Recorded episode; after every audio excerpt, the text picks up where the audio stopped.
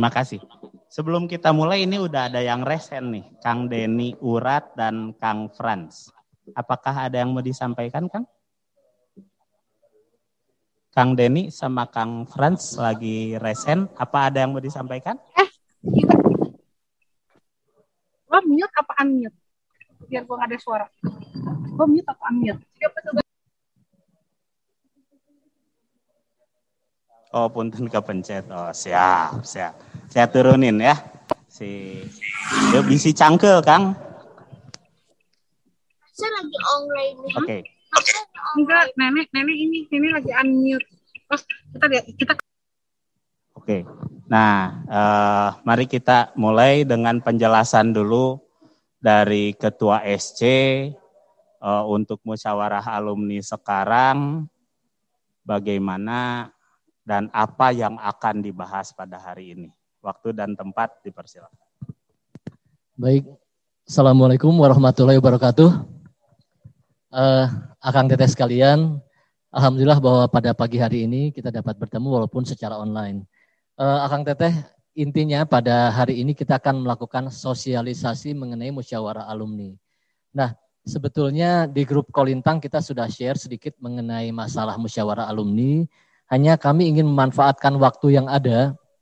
Kebetulan insya Allah kita akan melaksanakan kegiatan musyawarah alumni itu pada tanggal 2 dan 3 April.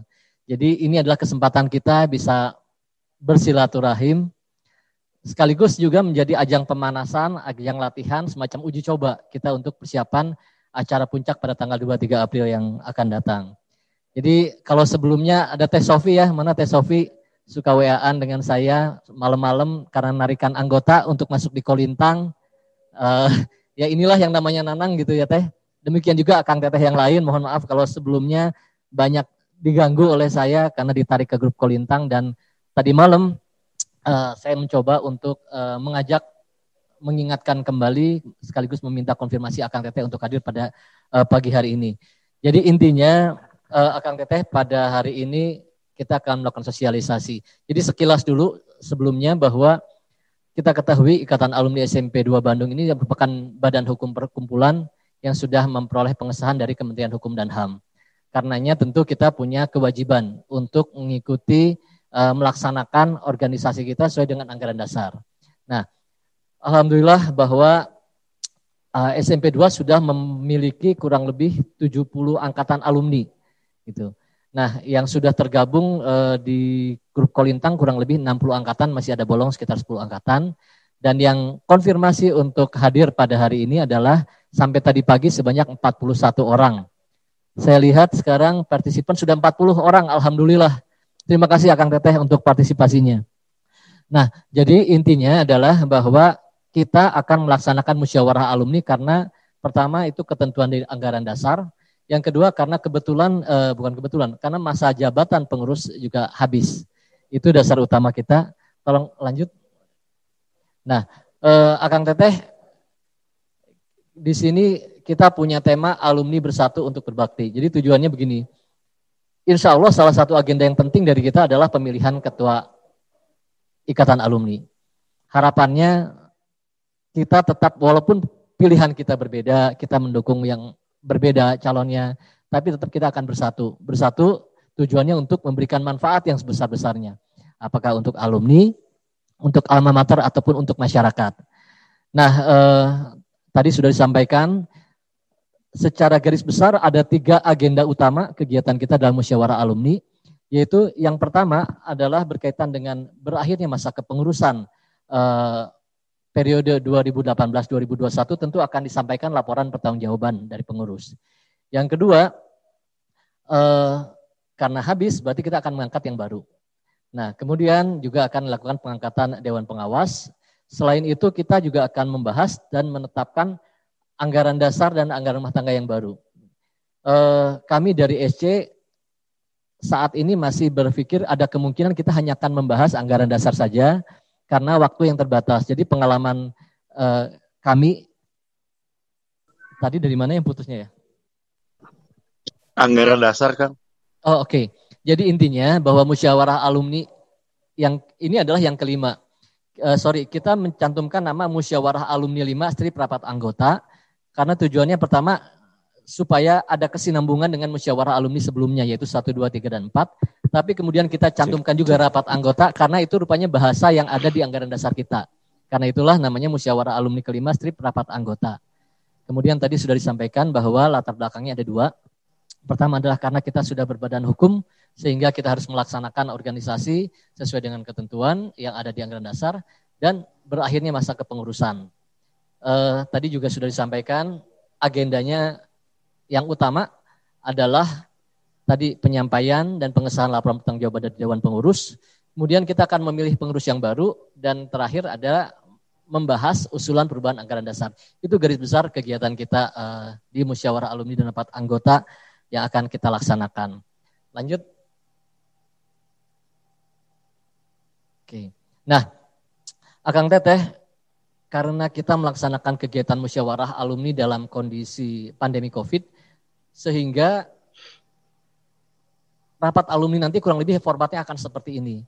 Jadi yang hadir betul-betul di tempat eh, katakanlah pusat kegiatan musyawarah alumni ini hanya panitia yang bertugas, kemudian eh, personil-personil yang memang diharuskan atau diperlukan untuk hadir sesuai dengan agenda. Contohnya misalnya ada pertanggungjawaban dari ketua umum periode 2018-2021 tentu Kang Ismet itu akan hadir. Kemudian misalnya nanti kita akan ada pemilihan ketua umum, nah calon-calon juga akan hadir.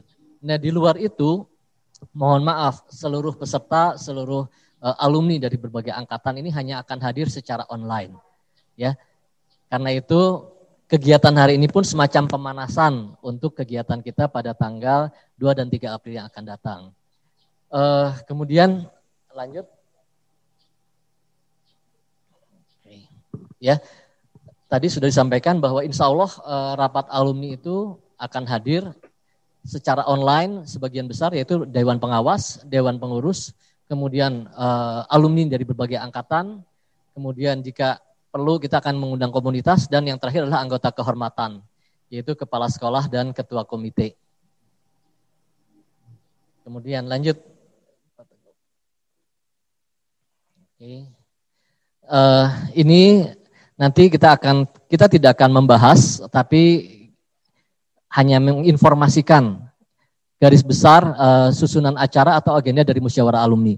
Kenapa tidak dibahas? Karena sebetulnya agenda ini nanti akan dibahas untuk disetujui pada musyawarah bukan pada bukan pada hari ini. Jadi ini sekedar gambaran bahwa nanti musyawarah alumni kita agendanya adalah seperti ini.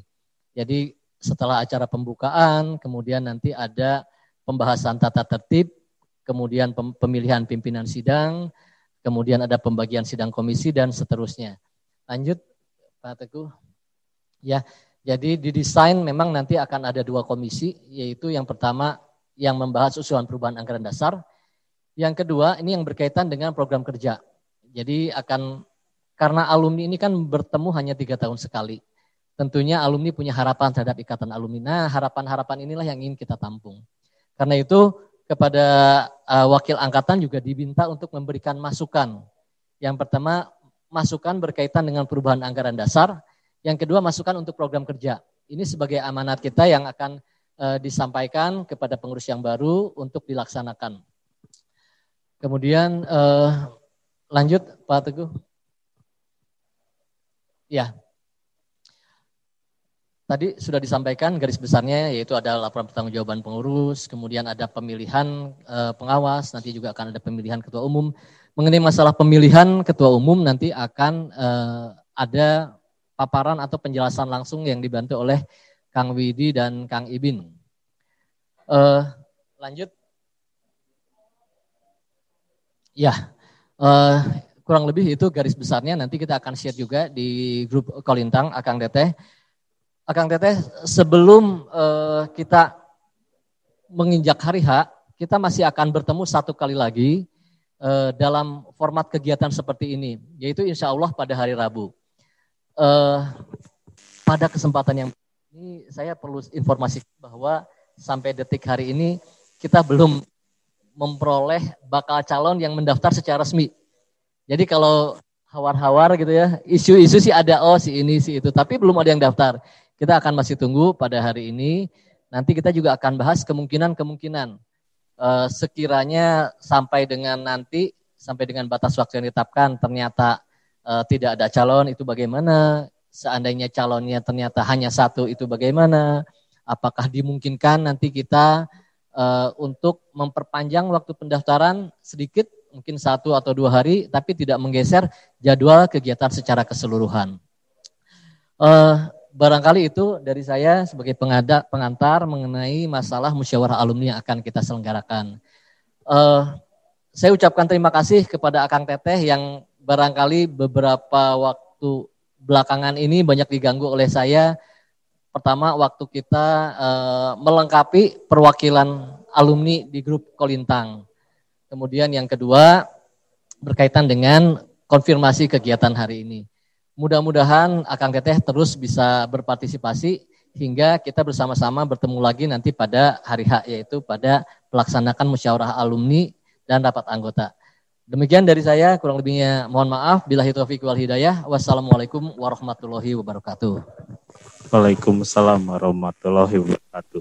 Nuhun Kang Manang untuk penjelasannya. Tadi ada uh, masukan nih. Nanti filenya akan uh, mohon filenya dikirim ya gitu ya ke dari Abah Kiki angkatan 88 nanti akan di-share di grup Kolintang. Saat ini ada Teh Tuti dari angkatan 71 resen boleh Teh Tuti? Bila ada yang mau disampaikan Teh Tuti. Halo. Ya, dari angkatan 71 Teh Tuti Wanda uh, diwakili Bapak -bapak. sama Dr. Ahmad Sentika. Ya, Salam ya. saja dari semua alumni. Mereka pada mendengarkan juga uh, musyawarah alumni ini karena linknya dibaca terus. Tapi dari kami tidak ada yang uh, bersedia untuk dicalonkan maklum sudah senior begitu ya. Jadi kami usulkan supaya uh, dipilih dari alumni-alumni SMP Negeri 2 Bandung yang jauh lebih muda, lebih berpotensi dan sebagainya. Kami berdoa dan kami siap mendukungnya. Terima kasih. Sama-sama Kang. Ya, uh, sekarang kita masuk ke agenda kedua kita ya. Agenda kedua kita itu adalah kalau dari panitia, dari OC, pertanyaannya ke saya dan ke kami lah ya, eh, sebagai SC, adalah kenapa sih anggaran dasarnya harus diubah? Gitu. Jadi pada sesi ini eh, kami dari SC akan menjelaskan beberapa hal. Mengapa anggaran dasarnya harus dirubah? sebelum kita membahas mengenai e, pemilihan ketua dan terakhir mau meminta sumbangan ya. Jadi itu yang paling penting buat Kang Nada mah tanya nu terakhir Kang ya. Nah, nah, yang pertama adalah kenapa sih anggaran dasar ikatan alumni SMP 2 ini harus dirubah? Ada beberapa permasalahan yang terjadi ketika ikatan alumni ini diakta notariskan. Jadi eh, pada saat itu notaris menggunakan template yang biasa dilakukan untuk perkumpulan. Salah satunya misal kalau kita baca sebetulnya filenya sudah dikirimkan oleh eh, SC kepada Akang Teteh di Kolintang. Misal kegiatan yang bisa dilakukan adalah membangun dan mengelola pesantren. Gitu ya. Itu emang emang kalau di akta notaris ada tiga hal besar kan kegiatan sosial, sosial kemasyarakatan gitu ya, terus kegiatan keagamaan gitu, dan kegiatan pendidikan. Namun kalau kita merujuk ke anggaran-anggaran dasar lebih yang terlebih dahulu, sebetulnya kegiatan IK SMP 2 itu tidak eh, plek-plek seperti yang ada di akta notaris. Kita tidak membuat pesantren, tapi kita membantu pendidikan. Kita melakukan kegiatan sosial, iya, gitu dan lain-lain. Nah, hal-hal seperti ini ini harus kita perbaiki bersama ya. Bukan SC, bukan OC, bukan pengurus yang sekarang, tapi kita sama-sama SMP 2 ini alumnusnya diharapkan peduli dan berusaha membuat organisasi ini lebih baik dengan aturan dasar yang lebih baik. Misalkan kalau kita mengenal selama ini sebagai musyawarah alumni ya Kang Nanang ya. Nah di anggaran dasar terbaru yang di akta notaris itu disebutnya rapat anggota. Jadi ini juga menjadi banyak pertanyaan, maka nanti hasil dari musyawarah besar ini akan kita bawa juga ke notaris oleh ketua terpilih ya. Mungkin dari angkatan 71 eh, tidak ada ya yang mau dicalonkan. Semoga ada yang mau mencalonkan Kang. Gitu ya.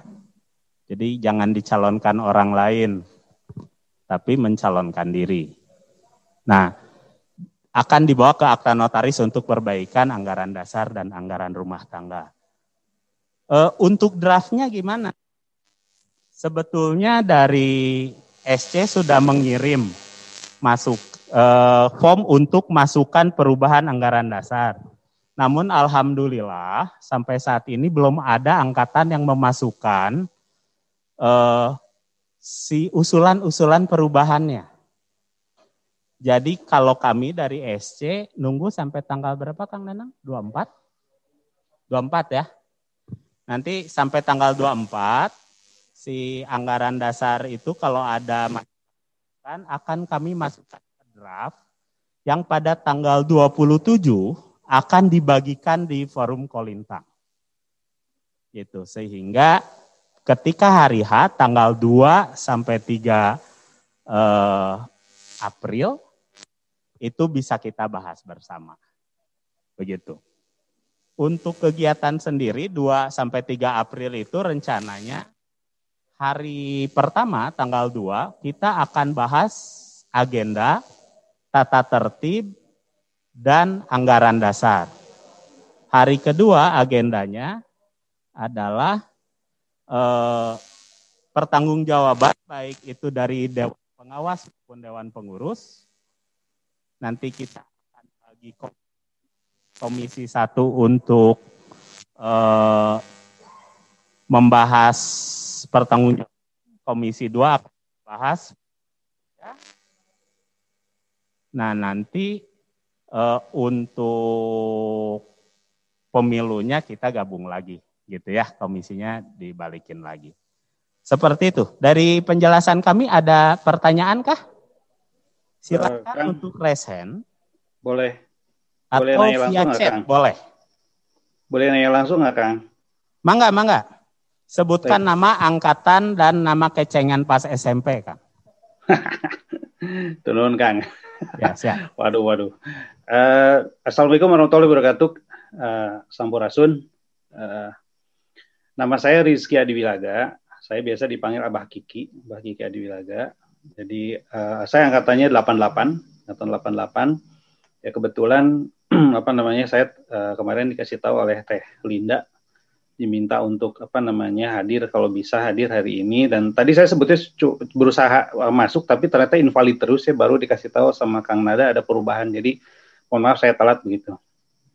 Tadi saya uh, punten saya tadi juga belum tahu Akang namanya siapa Kang? Bener Kang? tadi. Saya Widi Kang dari Kang Widi. 92. Oh baik Kang Widi. Jadi begini Kang Widi. Jadi uh, terkait dengan apa yang Kang sampaikan tadi perihal anggaran dasar dan apa akta segala macam sebetulnya saya sendiri sudah baca uh, secara utuh begitu ya. Kebetulan background saya saya kebetulan saya advokat, saya lawyer begitu. Dan saya lihat memang uh, notifikasi not, not, notifikasi saya adalah banyak kelemahan di anggaran dasar ini. Apa ini sebetulnya? Uh, kemungkinan besar memang betul notaris menggunakan uh, format yang template. Dan tapi barangkali juga dugaan saya barangkali draft itu tidak pernah di-sharing dulu kepada apa namanya kepada uh, para penghadap ya waktu itu. Uh, saya apa para alumni senior barangkali untuk dibaca dulu di reading biasanya. Sehingga bisa ketahuan mana yang harus disesuaikan tidak disesuaikan atau dipertanyakan lah kira-kira begitu. Nah jadi menurut saya ini sangat fundamental Kang sebetulnya untuk IK ini saya tidak bergerak ke mana-mana dulu gitu tapi di dalam anggaran dasar akta pendirian terutama itu. Nah karena di sini uh, menurut saya ada beberapa template yang memang tidak relevan, ada beberapa yang juga tidak dapat dimengerti oleh saya. Saya kebetulan uh, apa namanya punya pengalaman cukup banyak mendirikan perkumpulan khususnya organisasi asosiasi ataupun uh, profesi yang saya pimpin langsung saya sebagai apa pendamping dan konsultannya. Jadi di sini contoh adalah organ perkumpulan di sini ini contoh di sini organ perkumpulan menggunakan istilah. Sebetulnya kalau istilah ini sebetulnya tidak jadi masalah sebetulnya. Tapi di sini dikatakan organ perkumpulan rapat anggota. Lalu di bawahnya ada rapat lagi. Nah, ini contoh. Harusnya rapat bukan rapat anggota, tapi rapat umum anggota seharusnya. Ini itu contoh. Jadi kalau misalnya nanti mau dirubah dengan menggunakan kata musyawarah anggota segala macam, itu harus ditanyakan juga kepada notaris Kang karena ada standar eh, apa uh, untuk perkumpulan ini semua standarnya sudah dikeluarkan oleh uh, Kumham, AHU Direktur Jenderal Administrasi Hukum Umum. Nah, sehingga kita uh, apa namanya bisa saja nanti mengatur ini sesuai dengan standar yang sudah ditetapkan oleh Dirjen AHU karena ini kemungkinan besar akan dikirimkan kepada apa ke Direktur Jenderal AHU untuk dibaca gitu ya. Nah, kalau ternyata berbeda itu dicoretkan. Gitu. Pengalaman saya terakhir itu adalah tahun lalu itu adalah dicoret, dikembalikan oleh notaris ya sebetulnya, tapi notaris didampingi oleh saya sebagai uh, apa namanya uh, konsultan hukum untuk diperiksa begitu. Nah di sisi lain juga ada terkait dengan masalah uh, apa namanya siapa anggota, lalu bagaimana proses. Nah ini menurut saya perlu ada satu terobosan baru menurut saya tadi akan bicara tentang bagaimana agar ada partisipasi begitu ya terhadap apa namanya ika kepedulian segala macam. Menurut hemat saya berdasarkan pengalaman juga salah satu hal yang membuat orang bisa berpartisipasi aktif itu adalah salah satunya adalah berpartisipasi untuk memilih siapa ketua. Gitu. Jadi untuk ketua ya kalau dari uh, sekian banyak apa namanya uh, apa namanya uh, perkumpulan yang saya bantu untuk bisa uh, berdiri itu rata-rata adalah menggunakan pendekatan one man one vote untuk ketua itu. Jadi direct election kan. Jadi tidak indirect gitu. Kalau indirect kan seperti sekarang gitu. Jadi ya ada beberapa perwakilan ngumpul lalu uh, pemilihan. Nah ini sebetulnya ada persoalan dalam konteks uh, apa namanya ikatan emosional, sosial dan segala macam begitu. Nah jadi hal ini juga perlu diperhatikan Kang. Nah selebihnya lagi juga ada persyaratan mengenai keanggotaan rapat. Ini sebetulnya menurut hemat saya uh, apa namanya perlu banyak uh, di sini contoh di sini Kang ya kalau di dalam akta yang saya baca ini ada ada rapat umum anggota uh, tidak ada rapat umum anggota tapi ada rapat umum tahunan harusnya rapat umum tahunan anggota dengan rapat umum anggota itu dua hal yang berbeda kan gitu nah ini oleh notaris disatukan begitu. Pengertian jadi membingungkan sebetulnya.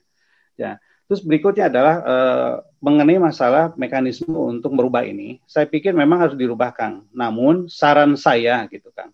Kebetulan tahun lalu saya uh, apa apa namanya uh, background saya konsultan haki, saya memimpin uh, musyawarah uh, bukan musyawarah rapat umum anggota Asosiasi Konsultan Haki Indonesia dalam kondisi pandemi ini. Semua kan berjalan secara online. Nah, pada saat kita berbicara mengenai perubahan ini, kami biasanya di Asosiasi Konsultan Haki Indonesia itu tidak menggunakan pendekatan eh, konvensional, Kang. Yang dimaksud konvensional itu adalah membentuk komisi, lalu komisi itu rapat gitu ya. Dan saat itu juga harus memutuskan. Nah, ini kendalanya adalah waktu dan efisiensi.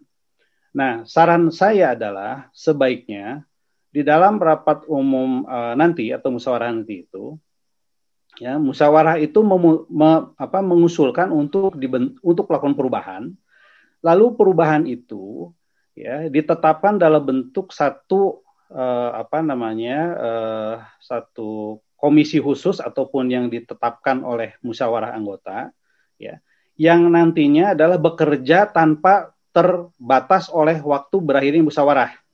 Jadi dia bergerak secara fleksibel. Nah nanti dia diberikan waktu Kang, ya berapa bulan, satu dua bulan, tiga bulan nanti hasil dari uh, apa namanya uh, perubahan itu akan disahkan begitu. Nah, tadi Akang sudah sampaikan mengenai masalah form. Nah, menurut hemat saya hal itu agak sulit, Kang, karena kan bicara perubahan itu bicara satu rangkaian kata-kata, Kang. Jadi tidak bisa copy paste, cut paste, cut paste nggak bisa.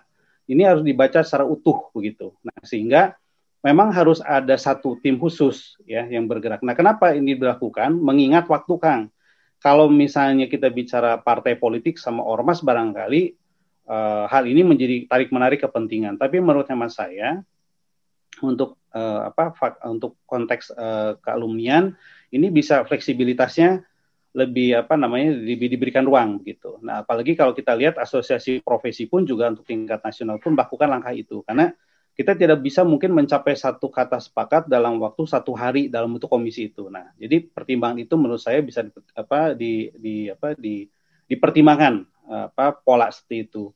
Nah, sehingga nanti pembahasan itu akan secara komprehensif, Kang. Karena kalau ini hanya bicara waktu saja, saya nggak yakin ini bisa selesai. Saya saja butuh waktu, Kang, untuk baca ini gitu. Untuk yang backgroundnya saya uh, uh, lawyer yang sudah 23 tahun ber, apa, berpraktek sebagai lawyer aja butuh waktu untuk baca ini untuk memastikan ini uh, ada masalah atau tidak begitu. Apalagi barangkali hemat saya bagi apa namanya bagi uh, apa alumni yang barangkali juga harus membaca khusus begitu ya dalam waktu singkat menurut saya. Jadi uh, apa dibentuk saja satu komisi yang diberikan mandat oleh musyawarah anggota ya di mana dia harus bertanggung jawab menyusun draft perbaik apa revisi ya untuk anggaran dasar ini atau pendirian ini. Dari situ uh, apa oleh pihak uh, oleh apa oleh ketua terpilih dia dibawa untuk di uh, selesai apa untuk dinotariskan sih. Tapi tetap itu pun harus dikawal. Tidak bisa diserahkan begitu saja. Jadi harus ada uh, fase diskusi dan reading dengan pihak notaris agar notarisnya pun paham karena berdasarkan pengalaman notaris juga uh, tidak apa tidak uh, apa mungkin apa namanya berbeda pandangan juga dengan kita gitu. Nah, jadi menurut saya seperti itu Kang agar ya. uh, ini bisa lebih baik lagi. Saya pikir itu Kang. Oke, terima kasih Bah Kiki. Ya, siap. Uh, sebetulnya ini usul yang baik, sangat dan kami mengapresiasi. Uh, tapi tentunya apakah ini diterima atau tidak, ini akan diputuskannya tanggal 2 ya Kang ya. Harap bersabar. Jadi nanti ketika musyawarah apakah menurut suara tertinggi akan dibereskan hari itu atau usulan yang sangat baik dari Kang Kiki ini yang akan dilaksanakan. Gitu. Kalau saya sih setuju-setuju aja Kang gitu. Kebetulan saya juga advokat Kang, jadi sangat memahami juga kendala ya. yang dihadapi oleh Kang Kiki Betul. ya. Betul, gitu. Jadi uh, itu akan dibahasnya di uh, pas musyawarah kita yang resmi kan ini mah masih pengenalan-pengenalan Kang ya. Jadi mohon ini tapi sudah dicatat usulannya dan tentunya akan dititipkan ke pimpinan sidang untuk dibahas. PSC akan dititipkan ke pimpinan sidang untuk dibahas. Karena di sini kalau lihat chatbox banyak ya, setuju tidak perlu buru-buru dan lain-lain gitu. Dan kami sangat mengapresiasi itu karena pengalaman kami tahun lalu di SMA, Ikatan Alumni SMA kami, kalau anggaran dasar kita beresin sehari, tapi anggaran rumah tangganya tiga bulan gitu. Tapi di, itu hasil keputusan dari musyawarah besarnya. Jadi itu bisa kita tawarkan dan kita titipkan penawaran itu ke pimpinan. Begitu ya Kang Kiki ya. Karena di hari ini kita belum memutuskan apa-apa. Ya, siap Kang. Makasih Kang. Ya. Oke. Untuk perubahan anggaran dasar rasanya clear ya. Semua merasa emang perlu dirubah. Nah, kalau ada yang mau ditanyakan dulu, karena ini program direkturnya udah wid wid waktu nawid gitu ya. Kalau ada yang masih mau ditanyakan silahkan. Kalau tidak ada, kita ke yang lebih rame nih. Ya, dari anggaran dasar. Yaitu pemilihan ketua Ikatan Alumni SMP Negeri 2 Bandung. Jadi nanti mungkin Kang Nanang akan menyampaikan ya Kang posisi-posisinya seperti apa. Tapi pada dasarnya SC dan OC sudah melakukan sosialisasi dan batas terakhir pendaftaran adalah hari ini. Pukul 8 malam. Nah, pukul 8 malam ya, hari ini pukul 8 malam. Cuma untuk berapa calon dan apa-apa mungkin Kang Nanang dan Kang Nada ya, yang yang lebih bisa menerangkan dibanding saya yang tukang kabur-kaburan gitu. Eh, kenapa sih ketua harus diganti gitu ya? Di sini ada ketua, saya langsung ngobrol aja Kang Ismet ya. Karena Kang Ismet udah capek juga ya Kangnya. Gitu, udah tiga periode. Gitu. Ya, nanti kita akan uh, ini setelah laporan ini nanti Kang Ismet akan bicara sedikit. Nah, mungkin juga tadi dari angkatan 71, wah di dipimpin oleh yang muda gitu, yang lebih punya waktu, lebih punya tenaga. Itu usulan yang kami juga. Tentunya yang muda nanti akan bilang kami belum pengalaman, lebih baik dipimpin oleh yang tuanya, kayak Pak Baledog Baledog ya terus gitu. Itu adalah kondisi organisasi kita saat ini.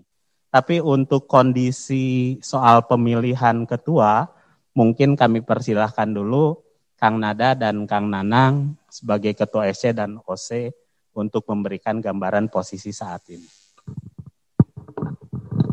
Ya, sesuai instruksi dari Kang Nada, saya aja yang bicara katanya Kang Widi. Baik, eh, Kang Teteh, jadi sampai dengan pagi hari ini, eh, secara formal belum ada satupun yang mendaftar sebagai bakal calon. Uh, ada beberapa kemungkinan, tapi kita tidak menduga-duga ya. Ada yang bilang, ah nunggu sampai titik terakhir gitunya sengaja ada yang mungkin malu-malu atau memang belum siap atau bagaimana. Nah, yang pasti tentunya kami di steering komite harus menyiapkan uh, solusi untuk masalah tersebut. Jadi tadi di awal secara sepintas saya sampaikan uh, kita apakah memungkinkan jika waktu pendaftaran ini kita perpanjang barang satu atau dua hari, tapi tanpa merubah jadwal secara keseluruhan. Jadi setelah kegiatan ini pada hari Rabu nanti kan kita harusnya mengumumkan siapa bakal calon yang lolos verifikasi sebagai calon ketua umum. Jadi pada hari Rabu itu setelah mengumumkan kita juga langsung tampilkan calon-calonnya, kita perkenalkan, oh calonnya si A, si B, si C, ini mereka dikasih kesempatan untuk bicara harapan kami sekaligus himbauan juga ya untuk semua angkatan yang memang punya calon potensial. Pertama, mohon segera didaftarkan paling lambat hari ini sampai pukul 8. Itu sesuai dengan timeline yang sudah kita uh, share kepada seluruh alumni. Namun uh, nanti tentu di sini juga kita bisa diskusi. Kami ingin memperoleh masukan dari alumni yang lain. Uh, ya sudahlah kita perpanjang misalnya sampai dengan hari Selasa. Sehingga Rabu dan seterusnya jadwal kita tetap berjalan. Rabu tetap akan ada pengumuman siapa calonnya, kita perkenalkan siapa calonnya. Akang Teteh, Alhamdulillah bahwa pada pagi hari ini di tengah-tengah kita juga hadir Ketua Umum Ikatan Alumni SMP 2 Bandung uh, periode 2018-2021. Atau nuhun Kang Ismet, mohon Kang Ismet berkenan untuk sedikit memberikan pesan mungkin motivasi untuk para alumni Mangga Kang Ismet. Bismillahirrahmanirrahim. Assalamualaikum warahmatullahi wabarakatuh. Alhamdulillahirrahmanirrahim. Wassalatu wassalam ala asrofi amin musalin. Wala ali ajmain amma ba'du. Yang terhormat, yang saya hormati, para akang teteh-teteh dari seluruh angkatan yang hadir pada acara hari ini. Yang kami hormati juga para panitia SC dan OC. Jadi gini Kang, Kang-Kang teteh-teteh, jadi permasalahan pada siang hari ini sampai hari ini belum ada calon wakil yang resmi. Bari gosip, rawar-rawar, jadi yang resmi belum ada hadir. Jadi sebelumnya saya mau menceritakan ke belakang jadi kebetulan pemilihan ini terjadi pada tahun 2007. Tanggal 11 Desember bertempat di GSG Games Hall SMP 2. Dan kebetulan pada hari itu yang hadir yang bersedia Kang Dadang Arnida almarhum. Ya, dia otomatis aklamasi. Nah, dari 2007, 2008-nya ada pelantikan di Gedung Sate tanggal 8 Januari 2018 eh 2008 di Gedung Sate kebetulan alumni kita Kang Lex Laksemana menjadi sekretaris wilayah daerah Jawa Barat berjalan sampai 2011 karena Pak Kang Dadang Gardina meninggal. Jadi akhirnya tanggal 2000, tahun 2011 kita mengadakan juga pemilihan ya tempatnya juga alhamdulillah di Gedung Sate juga dan yang mencalonkan di waktu tanggal Desember kalau 19 Desember 2017 eh 2007 eh 2011 kebetulan Kang Janaka sendiri. Akhirnya tetapi beliau tidak hadir karena mewakilkan kepada Kang Tonton angkatan 65 kebetulan Kang Janda angkatan 65 akhirnya dari senior-senior bicara mana yang sorangan? Cina. Almarhum Kang Dangkarma angkatan 59 Teh Yuli angkatan 55 akhirnya mereka menyunjuk saya untuk mencalonkan ketua IKA akhirnya kita voting yang hadir kurang lebih 50 di voting ya Kang Janaka 15, saya 35. Ya akhirnya saya jadi ketua panitia. Eh, ketua umum. Jadi, nah di situ sejarah yang kedua. Yang ketiga juga sama juga. Itu tahun 2014. Jadi nggak ada yang mencalonkan. Jadi krisis sekali buat jadi ketua mungkin jadi ketua mungkin capek merenyahan waktu belum terdapat pikiran akhirnya saya maju maju maju lagi sendiri ya akhirnya aklamasi nah akhirnya di situ saya 2014 2017 sebetulnya dalam ADRT kan dua periode saya udah gak bisa ikutan lagi tapi tanggal 27 Januari 2018 ada lagi muasyarah alumni. Dan pada hari H tanggal 27 Januari tidak ada juga wakil, perwakilan dari angkatan untuk menjadi ketua. Ya akhirnya Kang Mame sebagai ketua dewan pengawas mengusulkan sudah. Ini yang hadir 16 angkatan. Di 16 angkatan maju ke depan dari 16 tinggal 11, dari 11 tinggal 5. Sisa tinggal dua saya sendiri dari 73 dan Kang Alan dari 75. Diajakan lagi voting yang diikuti oleh 21 suara. Di mana hasil suaranya 19 suara saya, dua Kang Alan. Nah kembali lagi jadi ada ketua Ika itu atas voting yang ketiga sebetulnya saya sudah tidak bisa mengikuti karena melihat krisis daripada ketua, kami itu dan Kang Alan tuh menyelamatkan ikatan alumni. IKA SMP 2. Jadi atas informasi atau sejarah barusan, jadi saya memohon kepada perwakilan angkatan-angkatan untuk menyalonkan Ketua Umum IKA 2008 eh 2021 2024 kebetulan dari pihak panitia akan mengundurkan diri sampai tanggal 22. Ya, 22. 24 pagi buat calon untuk pendaftaran. Jadi kami memohon kepada pulih angkatan demi untuk kebersamaan, kebersatuan dari kekeluargaan dari keluarga besar Ikatan Alumni SMP Negeri 2. Mohon dari para wakil angkatan untuk mencalonkan ketua umum IK SMP Negeri 2 periode 2021 2024. Demikian akang-akang teteh uh, sekelas info dari saya. Bilahi taufik wal hidayah. Wassalamualaikum warahmatullahi wabarakatuh. Hatur nuhun Kang Ismet, Ketua Umum IKA 2018-2021 uh, atas himbauannya. Jadi memang kalau kita dengar cerita dari Kang Ismet, bukan pertama kalinya Ikatan Alumni SMP 2 itu kesulitan mencari calon.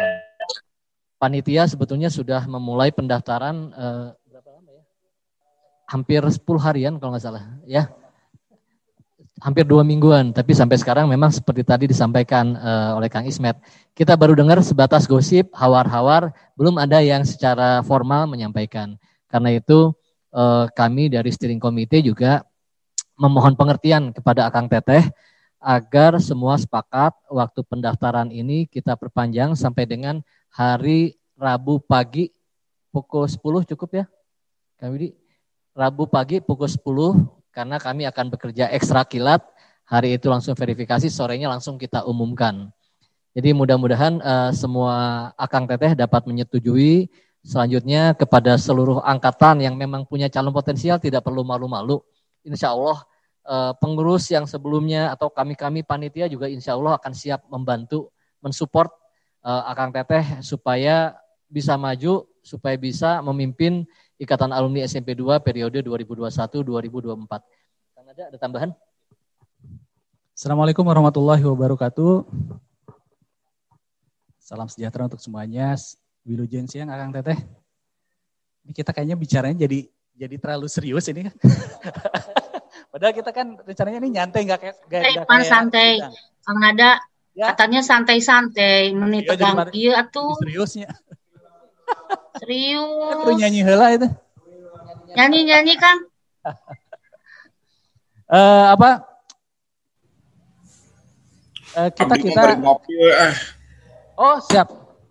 Uh, kita nyantai aja ya Kang Tete ya, kita ngobrol-ngobrol santai. Jadi ini kan belum sidang ini, jadi formatnya juga kita buat agak-agak uh, apa ya renyah kayak gini karena kita biar tidak ngeli apa biar tidak seperti uh, sidang yang nanti tanggal 2 tanggal 3 sih oke okay lah kita serius ya karena nanti ngebahas anggaran dasar gitu ya.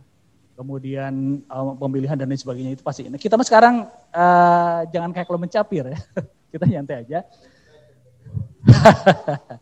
uh, begini ya kan Teteh, uh, untuk untuk sebenarnya ini progres ya kan Teteh kalau menurut saya dari kepanitiaan uh, musyawarah musyawarah alumni sebelumnya itu kan relatif lebih apa ya sederhana ya sederhana. Kemudian juga uh, pemilihannya juga kalau dulu diundang yang ternyata perwakilan angkatan yang hadir rata-rata berapa sih? Diundang tiga orang gitu ya tiga orang hadir dan di lokasi uh, kemudian memilih dan yang ada di lokasi itulah yang jadi pemilih itulah kurang lebih seperti itu. Sekarang sebenarnya mekanismenya sudah dirancang sedemikian rupa oleh tim SC dan kita sebagai panitia OC juga apa namanya eh, lebih enak lah. Walaupun tentunya waktunya eh, tetap juga tidak terlalu panjang ya, tidak terlalu panjang. Waktunya kita persiapannya cuma dari Februari pertengahan akhir bahkan gitu ya, cuma mepet ini tapi ya kita berusaha sebaik-baiknya karena memang kita pingin uh, ikatan alumni terus bisa bisa hidup ada kegiatannya gitu. Walaupun kita tahu sekarang saat pandemi hampir semua ikatan alumni juga kerepotan ya nge, uh, apa uh, berkegiatan gitu. Agak sulit lah gitu. Biasanya yang aktif tiap bulan ngadain beberapa event juga enggak. Nah, berkaitan dengan dengan pemilihan ketua, saya juga sudah beberapa yang menjapri dari berbagai angkatan, terutama dekade 80-an akan ya. Dekade 80-an ini sudah ada rumor, ya. sudah ada rumor dan ada bakal-bakal calon yang siap mendaftar. Bahkan saya juga sudah japri beberapa eh, apa namanya eh, person-person yang yang mau daftarnya dan rencananya ada yang mau daftar hari ini katanya. Ya, saya tunggu nih. Mangga akan Teteh yang eh, apa yang hari ini rencananya mau daftar katanya uh, sore Teh Dewi ya, siap Teh Dewi ya. Ada yang sore katanya mau daftar, siap kami tunggu ya. Sore di di di Jalan Merdeka ya di di A2B di Sekretariat Panitia kita tunggu di sana. Silahkan berkas-berkasnya disiapkan. Wah kalau hari ini daftar, kata Teh Dewi dapat welcome drink di kantin A2B. Ayo coba tuh. Di bonusan deh kayak kukang nanang, ayah naon lah gitu, sop iga atau apalah gitu. Makan sepuasnya. Ayo bakso aci tuh dinya. Mangga ya, ya. Ini rumornya sudah ada, sebenarnya udah ada tiga ya, ada tiga. Tapi ini kan belum belum resmi ya. Wah siap. Nah sekarang uh, apa sudah ada tiga yang uh, yang konon konon katanya uh, akan daftar ya uh, katanya sore mau diabringkan ku angkatan anak mangga gitu ya. Dan bagi akan teteh juga ya Nah, cuma protokol kesehatan tetap ya. Misalnya mau ini. Oh iya. Dan nanti eh, Jalan Merdeka itu karena masa eh, apa pandemi sekarang kan ditutup jam 6 ya akan teteh. Jadi yang yang sempat japri ke saya mau daftar sore-sore ya kalau bawa kendaraan ya jangan lewat jam 6. Ya, jadi eh, masuk masuk ke A2B jalan merdekanya itu sebelum jam 6. Tapi kalau keluarnya sih tetap dikasih jalan ya, tetap ada jalan lah mudah gitu. Uh, saya tunggu keseriusan dari uh, apa akang akang teteh yang sudah japri saya ya baik baik ketua angkatannya ada ketua angkatan tapi tidak ketua angkatannya yang mencalonkan ya tapi ada di angkatannya yang uh, didorong oleh angkatan uh, sebagai uh, calon untuk bakal calon untuk ketua umum ini. Mangga ada pokoknya nih ada yang yang rumor nih ya baru rumor belum fix ada tiga yang sudah apa namanya saya, saya harap bisa bertambah ya dengan apalagi dengan uh, kesepakatan kita bersama hari ini bahwa ada penambahan waktu hingga uh, Rabu pagi. Nah, kan teteh ada Rabu pagi uh, tang uh, jam 10-an ya Kang Widi ya. Jam 10 pagi lah masih kita bisa terima.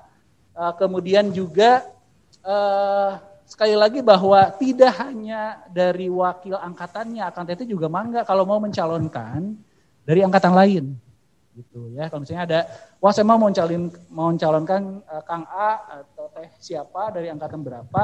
Kan syaratnya sudah ada ya di ketentuannya. Ada cukup dengan 15 orang ya. Bebas angkatannya mau angkatan berapa saja dicalonkan oleh 15 orang. Gitu. Dan ini mekanisme ini sudah lumayan ya lebih baik ya progres dari pemilihan eh, pemilihan-pemilihan sebelumnya. Ya dan ini uh, dari dari aspek waktu, dari mekanisme, ya tata cara segala ini sekarang sudah lebih baik. Dan kita berharap nanti mungkin untuk uh, apa uh, periode nanti lagi pemilihan seterusnya akan lebih keren lagi. Karena ya nyepuntennya kalau kalau SMP mah kadang-kadang memang berbeda akan teteh ya dengan dengan SMA atau justru uh, kuliah. Kita kan serius bisa kalau SMP mah ada anggar panggil teh asa jeung naon gitu nya jeung babaturan. Karena kita mengenangnya kan masa kecil ya, remaja tanggung nu baru baru mau beranjak dewasa. Jadi ketemu teh kalah kaharere gitu. Walaupun memang ini organisasi tetap sekarang ini kan kondisinya organisasi kealumnian ini didorong untuk lebih serius. Makanya banyak yang uh, apa namanya berbadan hukum gitu ya. Yang tadi Kang Kiki itu. Jadi beberapa SMP, SMA sekarang sudah mulai serius untuk uh, berbadan hukum. Mungkin itu sementara Kang Widi. Siap. Nohon Kang Nada dan Kang Nanang. Luar biasa ini. Terima kasih Kang Ismet untuk ngasih gambaran dan apa yang kata Kang Ismet tadi. Yuk kita uh, teruskan regenerasinya, gitu ya. Ada yang resen? Oh ya, Kang Weldi, silakan. Yes, Assalamualaikum warahmatullahi wabarakatuh. Waalaikumsalam. Dari angkatan berapa, Kang Wel? Saya dari 82. Selamat ya. pagi, salam sehat semuanya untuk akang-akang teteh-teteh alumni SMP 2 Bandung. Sebelumnya saya juga ucapkan terima kasih atas undangannya. Tapi sebetulnya ucapan terima kasih yang sebesar-besarnya itu saya sampaikan untuk SC dan OC. Karena dalam keadaan kondisi seperti ini dan punya kesibukan masing-masing, akang-akang teteh-teteh di SC dan dan OC begitu berdedikasinya untuk menyelesaikan acara menyiapkan waktu, tenaga dan pikiran dan, dan mungkin biaya untuk menyelenggarakan acara ini. Nah, uh, untuk masalah uh, pemilihan calon ketika alumni ini, emang saya tahu pasti dibutuhkan pengorbanan waktu, tenaga, pikiran, biaya pasti ada. Dan itu harus dicari orang yang benar-benar punya loyalitas yang sangat tinggi.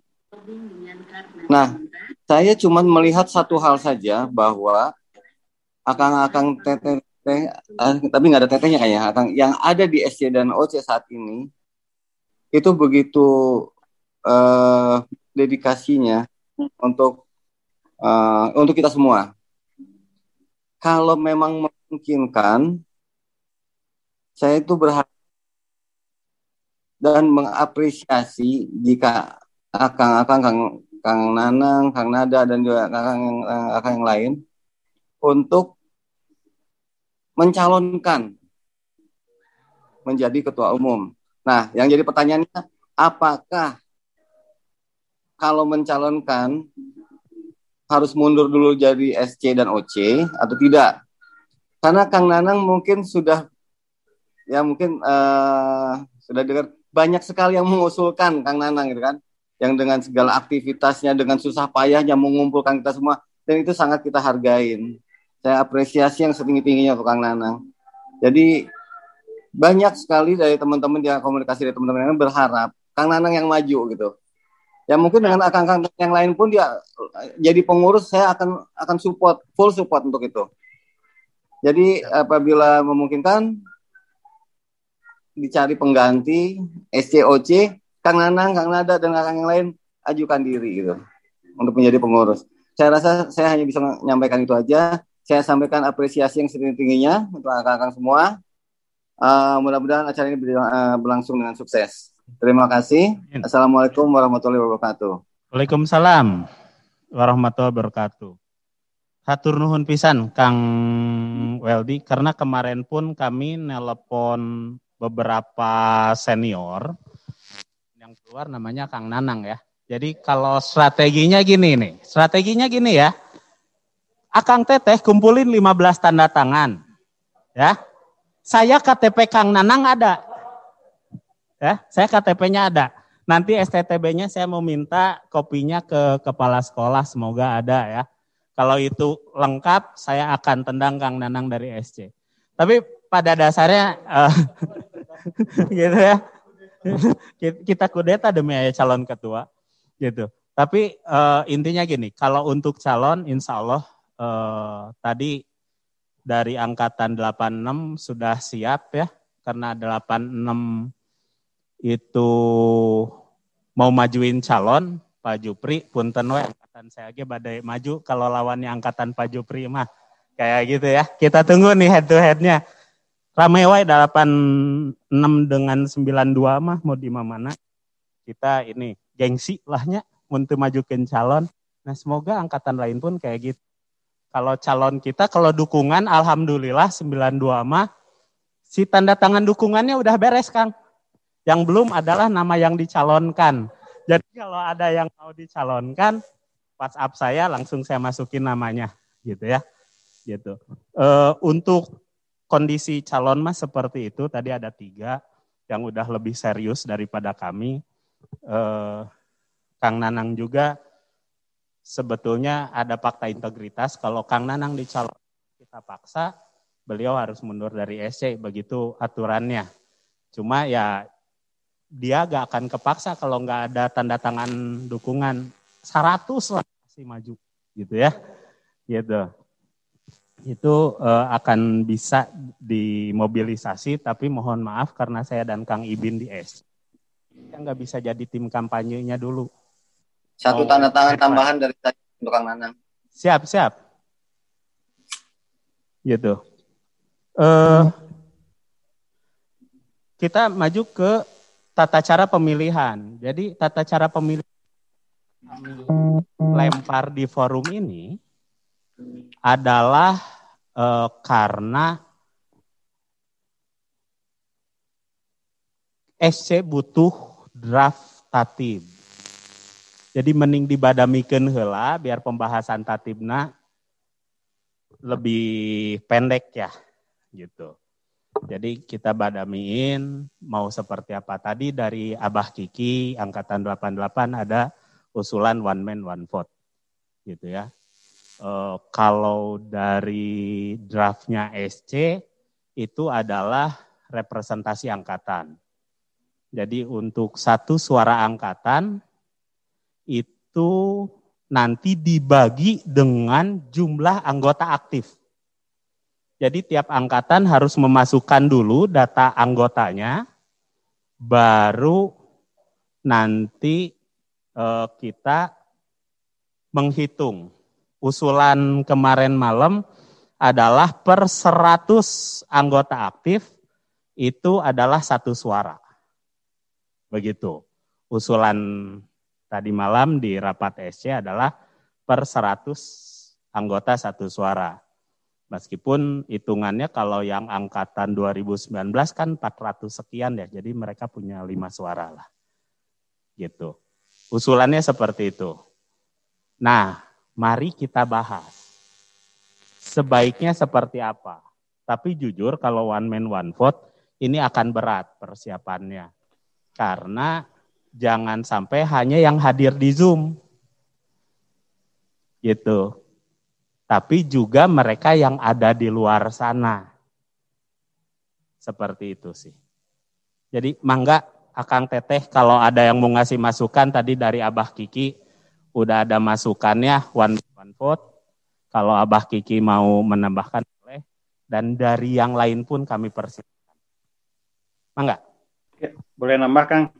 Punten. Siap, siap, silakan. Uh, mungkin tadi saya apa namanya uh, luruskan sedikit, Kang. Jadi uh, tadi usul saya itu one man one vote itu adalah pada saat perubahan, Kang. Perubahan si apa si akta ya, karena ini perubahan aktanya itu Kang Widi ya. Karena ini sama sama guru saya ilmu ya, sama Kang Widi ya gitu. Kan kita merubah ini tidak bisa sapotong-sapotong ya Kang ya, mesti dibaca dari awal sampai akhir lah gitu. Jadi usul saya itu itu adalah perubahan. Kalau sekarang saya pikir tidak mungkin Kang. Jadi artinya menurut hemat saya sekarang digunakan adalah mekanisme yang ada existing. Tapi tadi mandatnya itu nanti perubahan itu dilakukan itu dengan membentuk komisi. Jadi gitu Kang uh, pola berpikirnya Kang. Jadi beberapa isu baru itu uh, di apa diselesaikan oleh pengurus yang baru ini untuk diimplementasikannya pada saat periode kepengurusan berikutnya Kang. Jadi bukan di saat sekarang gitu. Kalau sekarang sangat tidak mungkin. Saya sendiri juga tidak mendukung kalau eh, dipaksakan harus hari ini karena ya seperti kita tahu ya Kang itu kan big data ya. Big data itu artinya setiap angkatan harus didorong me, apa mengisi form, barangkali Google Form, dikolek dulu. Wah itu text time Kang nggak mungkin gitu. Jadi uh, usulan One Vote itu untuk masa yang akan datang. Jadi masa perubahan yang akan datang di perubahan di musyawarah ini sudah dibahas oleh tim. Tadi ada yang usul Kang siapa yang mengatakan ada ad hoc, betul konsepnya ad hoc gitu. Jadi disusun ada beberapa perwakilan angkatan untuk membahas detail lah begitu. Apa apa saja yang dirubah agar nanti pada saat diserahkan ke notaris itu perubahan itu sudah uh, proses apa sebelum dibawa ke notaris maksud saya itu disahkan dulu dengan rapat anggota nantinya bahwa apa uh, anggaran dasar itu yang diterima begitu. Saya pikir gitu Kang. Jadi uh, untuk one man one vote itu tidak sekarang Kang. Saya pikir itu Kang. Nuhun Kang. Siap, terima kasih Kang Kiki. Mungkin dari yang lain usulan dari SC, balik lagi ya, usulan dari SC adalah eh, per 100 anggota aktif itu satu suara. Karena perwakilan kita di e, musyawarah ini adalah maksimum tiga orang per angkatan. Nanti yang akan ikut musyawarahnya. Jadi bukan minimal tiga ya, tapi maksimum tiga. Jadi dia akan membawa suara sekitar 300 orang sebetulnya. Nah kalau emang disepakati dan itu bisa kita laksanakan, maka itu akan kami masukkan ke draft tata tertib. Silahkan, kalau ada yang mau e, menyampaikan pendapatnya. Nah kalau emang ini pada terdiam pusing meren. Naon gitu. Ya TSC teh hayangna naon. Karena gini, ada konsekuensi kalau menyetujui hal ini. Jadi kami harus uh, jujur kepada para anggota ikatan alumni, terutama koordinatornya. Tapi ini demi kebaikan ya. Jadi sebelum musyawarah besar, mungkin nanti akan ditentukan waktunya oleh SC dan OC, setiap angkatan kalau sistemnya perwakilan per satu banding 100, atau mungkin dulu usulan awalnya satu banding 50, eh, itu harus memasukkan daftar nama anggota angkatannya yang aktif. Nama, alamat, nomor telepon, email, dan pekerjaan. Gitu. Itu harus dikirimkan karena ini akan mendukung juga buat pengurus mendatang. Siapa pun yang terpilih, jadi punya database anggota yang lebih baik dan update. Harapannya itu. Gitu. Jadi kalau ada akang teteh yang mau berbagi, apakah satu banding 100 ini oke? Dengan PR tiap koordinator angkatan bisa nanti mengirimkan atau bahkan nanti sama OC dijemput ya Kang Nada ya. Si datanya untuk tahu angkatan saya yang terdaftar berapa sih?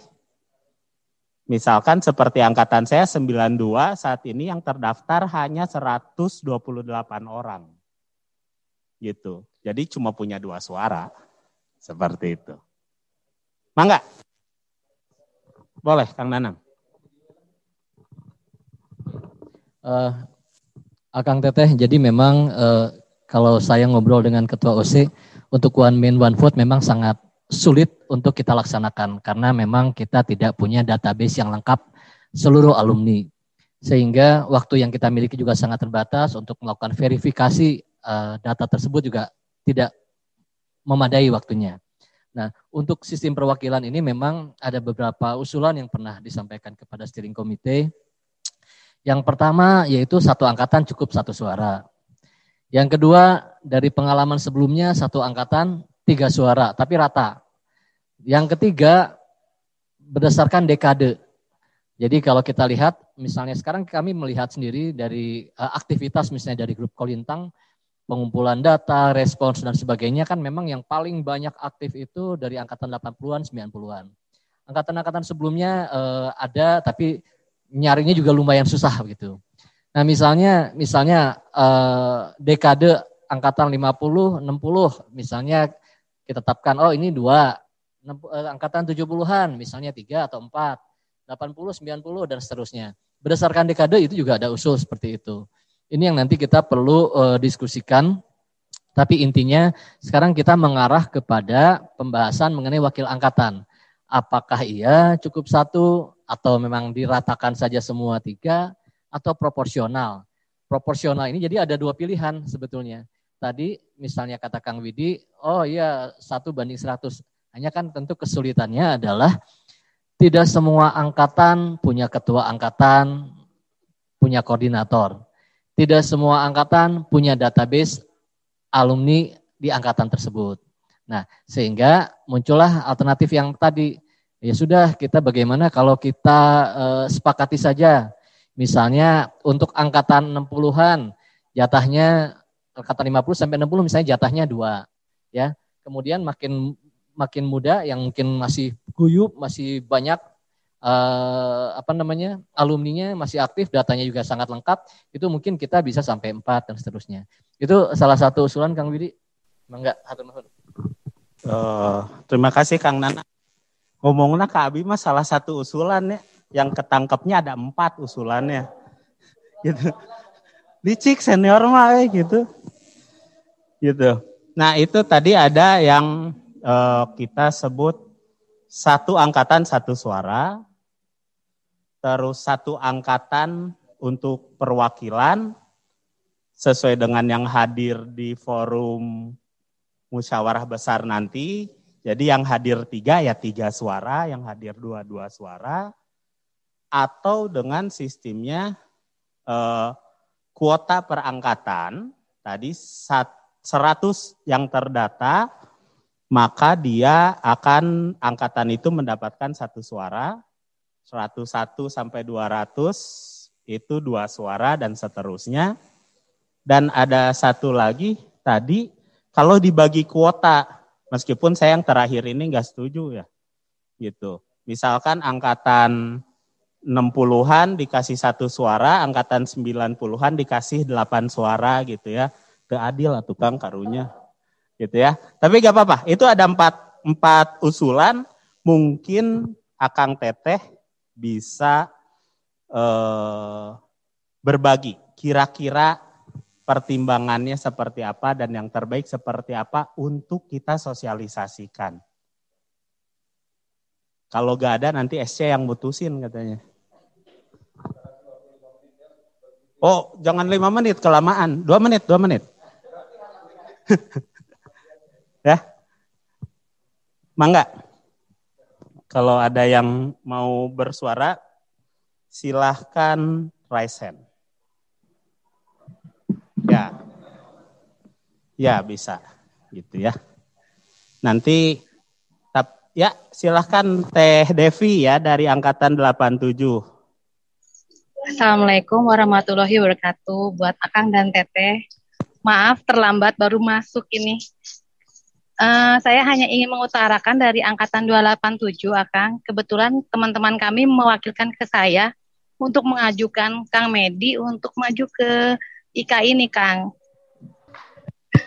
Atur nuhun Teh Devi.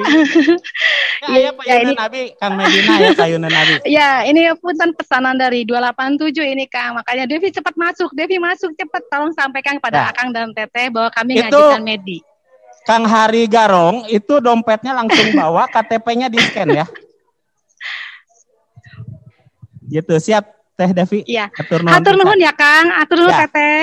Siap, tuh calon udah ada tiga nih yang klaim ya. 86, 87, 92. Gitu. Untuk yang gak mau kehilangan kesempatan mimpin ikatan alumni SMP 2 tiga tahun mendatang, ayo kita dukung calon kita ya. Gitu. Balik lagi kita ke pemilihan. Ini ada empat usulan yang tadi. Satu angkatan, satu suara. Atau perperwakilan hadir satu suara. Atau per seratus anggota aktif satu suara. Atau di kuota berdasarkan dekade. Kira-kira mana yang akan lebih fleksibel buat kita semua.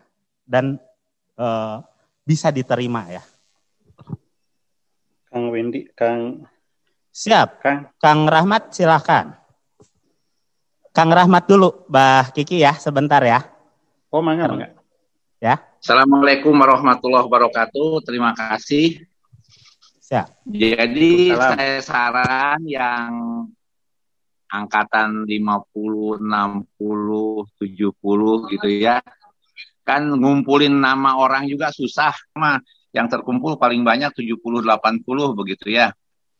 Nah, karena itu tidak usah pakai persyaratan uh, ngumpulkan nama dan sebagainya. Satu angkatan satu aja yang tahun berapa ya? Tahun 75 ke bawah begitulah. Nah tapi yang 80 ke atas mangga yang nggak ke diatur berapa saja. Terima kasih. Oke terima kasih uh, dari angkatan 71 mangga Mbah Kiki. Uh, Kang uh, saya pikir ini kita exercise ya sebetulnya Kang Widi ya. Jadi kalau seingat saya ini tuh kan perwakilan angkatan tuh tiga orang kan ya? Di apa di nanti di, di musyawarahnya tiga orang. Tiga orang ya gitu. Tiga orang. Berarti kan kalau kita hitung katakan dengan hitungan matematis kalau misalnya dari angkatan 60-an eh, sampai terakhir 2020 gitu ya tiga orang tiga orang berarti dikalikan aja lah gitu ya sekian. Nah eh, dengan konsep yang perwakilan tiga orang itu tadi kalau tidak sa kalau saya coba me, apa, menangkap dari usul Kang apa eh, Widi tadi per orang per 100 anggota. Jadi kalau misalnya tiga orang itu sama dengan 300 kira-kira begitu ya Kang ya? Betul nggak? Halo, teka dangu Kang? Betul, betul, Kang. Betul ya, betul. Nah, kalau saya melihatnya kelihatannya melihat kondisi sosiologis sekali ya. Tadi yang dikatakan Kang Rahmat yang tadi 71 yang angkatan 71 tadi uh, apa setiap uh, di KD ini barangkali 60 apalagi kok ke 50 yang sudah barangkali sudah apa uh, juga jarang atau saya saya katakan mungkin tidak tidak begitu banyak barangkali jumlahnya, menurut saya mungkin agak susah mengejar seperti itu. Atau mungkin bisa saja sebetulnya tidak perlu digunakan pendekatan 100 tadi, tapi tiga orang perwakilan itu dia membawa apa namanya satu suara menurut saya. Karena yang jadi kelemahan dari sistem perwakilan ini kan sebetulnya adalah setiap anggota eh, apa per, misalnya contoh begini perwakilan angkatan 88 ada tiga orang A B C gitu ya. Nah, pada saat dia duduk di ruangan musyawarah anggota ketika dia tidak membawa mandat hasil dari angkatan maka setiap orang ini akan e, bebas untuk menentukan pilihan di ruang sidang gitu ya. Tetapi kalau dia misalnya membawa mandat dari angkatan misalnya ya kita milihnya kandidatnya adalah e, Akang Akang siapa? Akang C itu misalnya. Maka yang dibawa dia itu adalah itu suara itu. Jadi si pihak eh, si perwakilan itu yang ada tiga orang itu dia tidak tidak mempunyai kebebasan untuk menentukan pilihan di saat di ruang sidang begitu ya. Sehingga kemungkinan besar menurut saya kelihatannya bisa menjadi terbuka itu Kang pada saat hitungan. Jadi jadi tidak lagi pemilihan tertutup kan kalau kita baca kan dalam anggaran dasar itu eh, pemilihan untuk orang itu tertutup ya. Kemungkinan besar jadi terbuka agar ada mekanisme pertanggungjawaban. Jadi perwakilan 88 tiga orang ini teh misalnya e, dari hasil e, apa namanya pemilihan di angkatannya menunjuk misalnya Akang C, tahu-tahu misalnya dalam ruang sidang jadi milih Akang A misalnya begitu. Karena tertutup tadi tidak ketahuan. Nah, nah menurut saya yang paling reasonable menurut saya Kang ya gitu ya dengan kondisi yang ada adalah seperti itu menurut saya. Jadi dengan mengacu kepada tiga orang perwakilan angkatan itu, tapi perwakilan angkatan itu suaranya satu gitu ya untuk memilih itu, namun di namun terbuka, dinyatakan terbuka agar ada mekanisme pertanggungjawaban kepada uh, angkatannya begitu. Jadi istilah nama untuk mahiwal gitu. Jadi anu ditentukan ku angkatan A pada ruang sidang dipilih B gitu misalnya begitu. Itu menurut saya paling paling reasonable menurut saya Kang gitu ya. Uh, kalau dibebankan dengan angka 100 tadi, saya lihatnya uh, bisa diterima kalau ada yang mungkin merasa berat ya. Kenapa? Karena kebayang Kang, misalnya contoh angkatan 88 di dalam catatan kita sih jumlahnya 550 gitu ya. Tapi waktu kita reuni 30 tahun 2018 itu yang bisa hadir 300 berarti kan ada sekitar 250 tidak terlacak lah kira-kira ada yang sudah meninggal dan sebagainya begitu ya. Nah, tapi itu pun juga tidak bisa terlacak uh, secara total lagi kan kalau kita tracing kepada mereka gitu ya. Yang 300 saja gitu acuan uh, data kalau misalnya kita mengacu data gitu. Jadi kalau saya usul uh, dengan menggunakan mekanisme yang ada, yaitu satu angkatan perwakilan tiga orang, tapi pada saat pemilihan itu dia satu suara, satu suara itu bukan suara tiga orang, tapi suara itu dibawa dari suara angkatan, sehingga pada saat pemilihan itu dia terbuka, tidak tertutup. Jadi misalnya silakan yang milih Kang ini siapa? Misalnya angkatan 88, kita angkatan 88 memutuskan memilih Kang itu saya ke 87 mutus memilih Kang ini misalnya begitu. Itu suaranya bukan suara pribadi jadi Kang. Bukan suara tiga orang, tapi suara angkatan. Sehingga yang disampaikan oleh perwakilan tiga orang itu tidak mencerminkan pribadi di situ Kang. Saya pikir itu yang paling reasonable, yang paling bisa masuk akal dalam kondisi yang uh, sempit ya Kang ya sekarang ini. Di luar konteks perubahan-perubahan yang akan masa akan datang. Saya pikir itu Kang usul saya Kang. Terima kasih. Oke, terima kasih. Sekarang kita ke Teh Ratna. Mangga Teh Ratna. Assalamualaikum warahmatullahi wabarakatuh. Waalaikumsalam. Uh, saya dari angkatan 79 mungkin uh, sedikit apa ya sedikit uh, saran ya. Kalau misalnya tadi ada empat pilihan uh, untuk apa namanya untuk menentukan anggaplah perwakilan angkatan atau mungkin delegasi, mungkin saya lebih memilih untuk uh, misalnya per 50 orang itu adalah satu perwakilan atau satu delegasi dari setiap angkatan. Jadi misalnya kalau uh, angkatan 79 ada 200 uh, eh, apa namanya 200 orang uh, itu berarti angkatan 79 uh, kami mewakili apa mem, me, memberikan kurang lebih empat nama uh, delegasi. Memang uh, ke apa namanya burukan atau ke ketidakbaikan dari sistem 50 banding 1 atau 100 banding 1 adalah untuk angkatan-angkatan uh, tua di mana uh, tentunya suara mereka jauh lebih kecil dibandingkan dengan angkatan-angkatan muda. Yang angkatan tua mungkin satu angkatan hanya 50, hanya 60, jadi mereka hanya punya satu suara. Tetapi angkatan-angkatan uh, muda itu punya 400 uh, eh, mahasiswa atau eh, apa siswa atau 500 siswa mereka punya bisa sampai 10 sampai 12 uh, suara itu saja uh, nanti itu akan sangat berpengaruh terhadap pemilihan uh, apa ketua jadi uh, otomatis yang angkatan-angkatan muda mungkin mereka lebih dekat dengan uh, apa namanya calon calon ketua yang muda tentunya mereka akan banyak suaranya di situ Mungkin untuk calon-calon yang senior agak sedikit yang akan memilih, tapi itu adalah satu resiko. Tapi kenapa diambil 50? 50 itu biasanya rata-rata satu kelas itu uh, isinya 50 siswa. Jadi lebih uh, lebih gampang untuk uh, berkoordinasi antar kelas uh, apa di kelasnya masing-masing. Uh, di sini diharapkan bahwa uh, sistemnya adalah tetap jurdil. Jadi malah saya menyarankan tetap rahasia gitu uh, tidak terbuka uh, siapa pun boleh tahu angkatan saya milih siapa tidak tetap ini adalah uh, pemilihan yang sifatnya jujur adil dan rahasia tapi karena setiap uh, delegasi itu mewakili kelasnya masing-masing rata-rata mewakili kelasnya masing-masing keputusan yang dia ambil untuk uh, apa untuk memilih satu calon itu adalah sudah keputusan kelas masing-masing. Tidak perlu lagi orang tahu gitu uh, atau mungkin keputusan angkatan masing-masing dan tidak perlu orang tahu. Silahkan dia memilih. Nah saat uh, mekanisme pemilihan itu uh, yang hadir yang boleh memilih jadi tidak ada orang atau delegasi mewakili orang lain yang tidak hadir misalnya contohnya kalau misalnya angkatan 79 punya empat suara tapi yang hadir saat pemilihan hanya tiga tetap suara itulah tiga itulah yang uh, berhak memilih.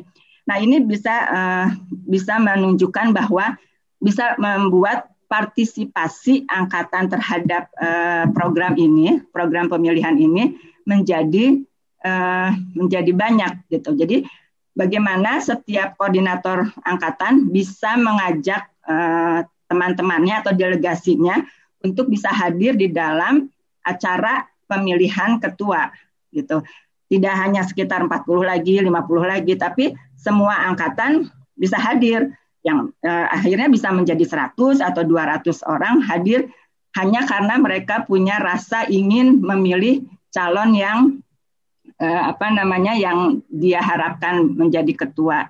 Nah, oleh sebab itu calon juga diharapkan bisa eh, apa ya, bisa ada sistem kampanye gitu, kampanye untuk eh, bercerita mengenai misi-misinya. Mungkin eh, kalau misalnya eh, apa namanya delegasi dari yang angkatan-angkatan tua kan mungkin tidak hafal siapa yang uh, calonnya yang angkatan 80 atau uh, 90 ketuanya itu siapa aja dan apa visi misinya mungkin kita bisa kenal dari cara calon calon-calon itu berkampanye.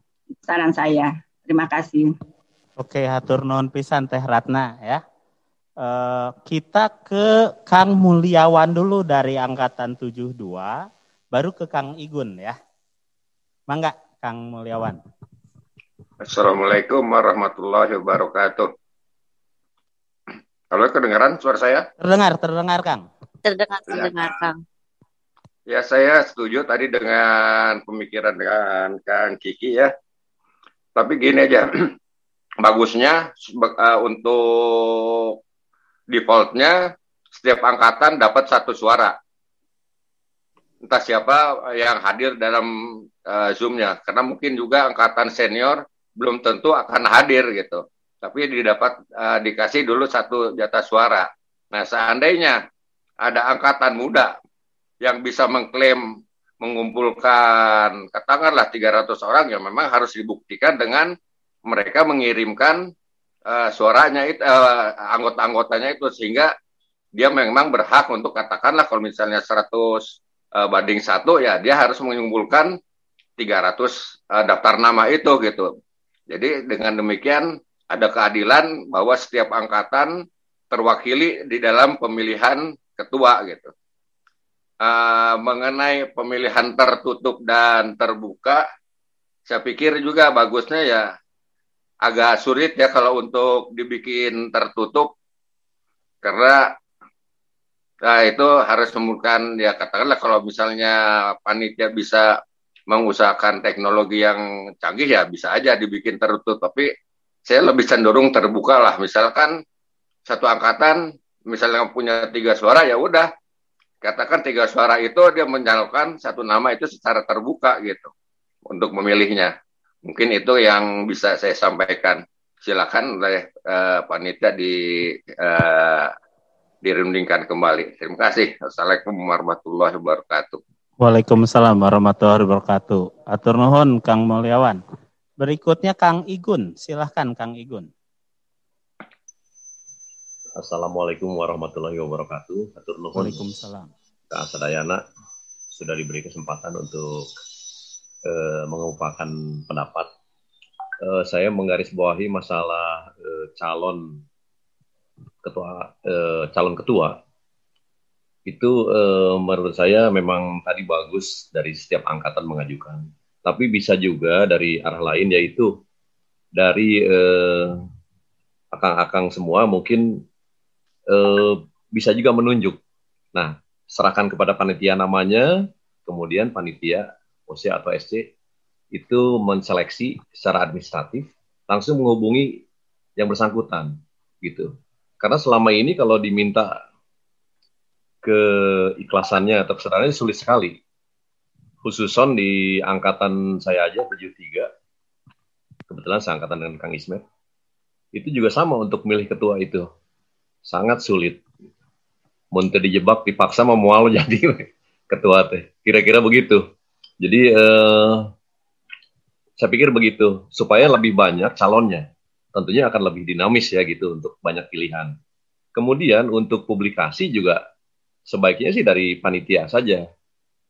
Kita bisa menggunakan sosial media itu untuk mempublikasikan kepada semua grup-grup uh, eh, WAG atau Instagram atau apa yang uh, afiliasi kepada uh, eh, SMP Negeri 2 gitu. Nah, setelah diseleksi itu baru kita juga pemilihan. Kalau saran saya melalui sosmed aja. Kita bikin pakai Google Form gitu. Pilih salah satu ini ini ini, ini gitu. Jadi itu akan memudahkan dan juga akan menghindar atau apa ya menghindarkanlah risiko yang saat ini lagi meningkat-meningkatnya yaitu COVID. Jadi menghindarkan kontak langsung. Tapi demokrasi berjalan terus. Nah, saran saya sih begitu. Jadi manfaatkan semaksimal mungkin sosmed. Pasti banyak ahli-ahlinya lah, apalagi yang muda-muda gitu. Untuk uh, proses ini, gitu, proses ini. Demikian saja dari saya. Wabillahi taufiq wal hidayah. Wassalamualaikum warahmatullahi wabarakatuh. Waalaikumsalam. Hatur nuhun pisan Kang Igun. Ini dari Bah Kiki mau nambah dikit mangga, Bah. Maksimum 30 detik. Kang, uh, tadi saya pikir begini Kang, terkait dengan uh, apa perwakilan tadi ya Kang, saya nambahkan saja. Ada kelemahan yang fundamental dari sistem perwakilan itu sebetulnya Kang. Kenapa saya katakan tadi usulnya adalah harus terbuka gitu ya. Yang fundamental itu adalah antara uh, amanat yang dia pegang pada saat dia harus melakukan proses itu bisa terjadi kondisi yang 180 derajat berbeda. Jadi kalau saya dapat amanat memegang A, tapi karena tertutup saya bisa berubah jadi B dan tidak ada yang bisa memastikan saya memilih A dengan dengan apa dengan pasti ini. Jadi kelemahan sistem ini sebetulnya diatasi dengan tadi karena dia tidak membawa nama pribadi tapi angkatan maka dibuka gitu kan ya. Jadi satu suara tadi dibuka tadi itu maksud saya diperjelas gitu.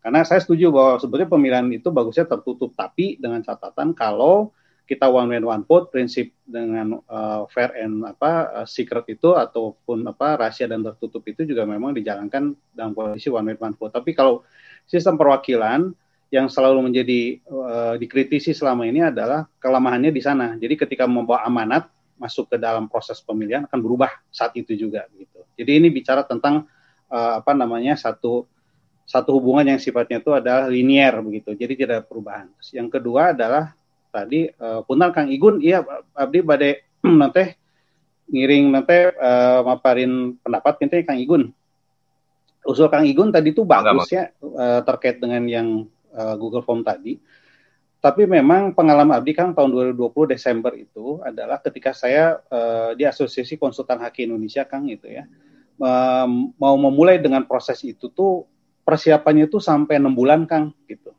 Sampai enam bulan itu mempersiapkan mekanisme infrastrukturnya gitu. Waktu itu dengan Zoom, lalu ada penyiapan database, verifikasi data segala macam. Dan uh, sangat sangat rumit sekali begitu ya. Dan itu sudah dirapatkan sampai apa eh, enam uh, bulanan gitu. Enam bulanan itu harusnya bulan Maret ditunda akhirnya Desember begitu karena persiapan tadi. Jadi memang untuk usul yang Kang Igun itu akhirnya uh, prakteknya ternyata uh, kita butuh effort yang tinggi dan biayanya cukup besar Kang kalau menurut saya begitu ya. Pengalaman saya kemarin di situ Kang. Jadi anggota asosiasi konsultan haki itu kalau di total seribu orang gitu, tapi uh, itu pun juga me, apa, menyiapkan infrastrukturnya itu butuh waktu enam bulan begitu.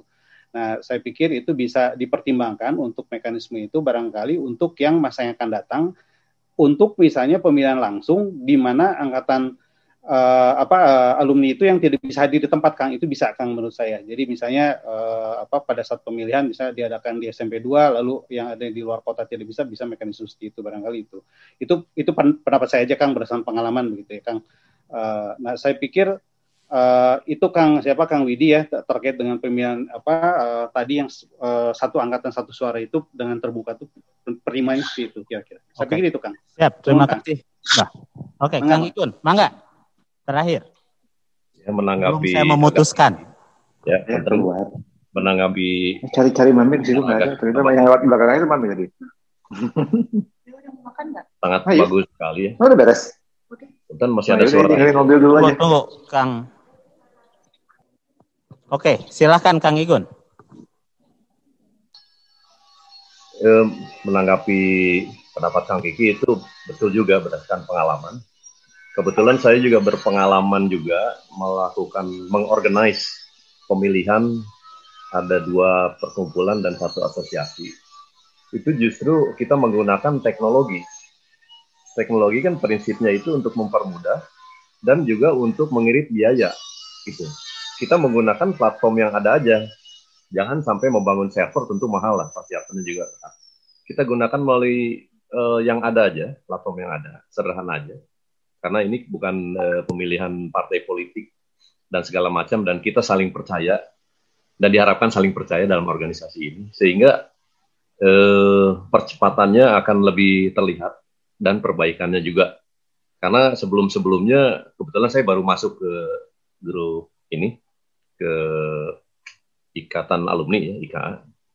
Tapi saya memperhatikan dari dari beberapa saat yang lalu itu selalu ada hambatan. Nah, kita harus cari mungkin solusi terbaik.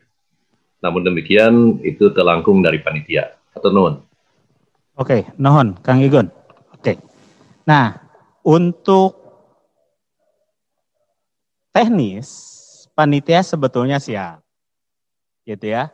Jadi nanti mungkin di minggu depan OC akan mengirimkan surat kepada semua angkatan.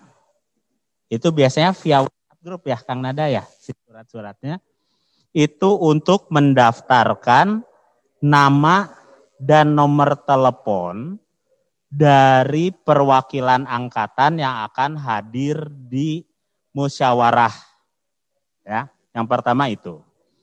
Yang kedua untuk pemilihan, kalau kita emang setuju satu angkatan satu suara, maka sistemnya akan semi terbuka.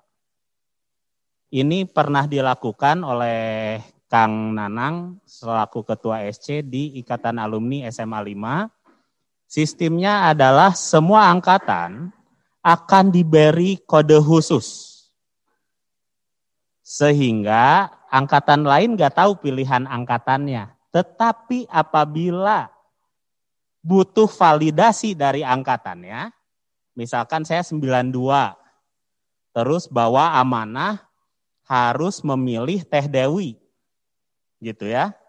Ternyata pas hari hanya saya disogok sama Kang Nanang untuk memilih Kang Ibin. Itunya tong angkatan orang, eh, angkatan Batur kan bisa juga ya nyogoknya kayak gitu.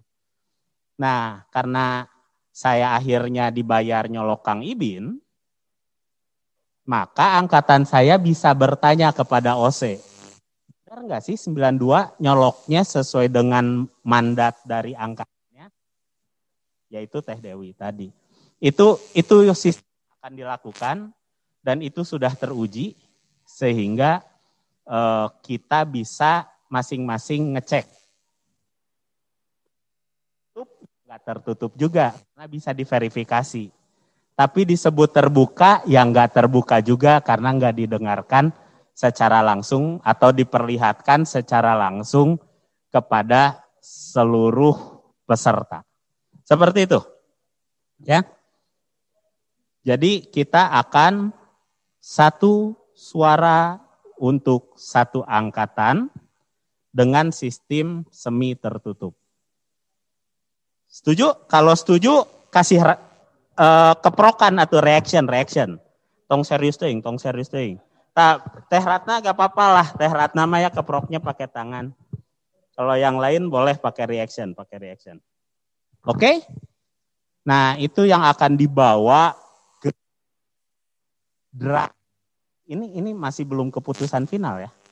Ini kita bawa ke draft tata tertib yang akan kita bahas tanggal 2 April. Jadi kalau tiba-tiba nge-move secara politis di tanggal 2 April ya kita harus meng uh,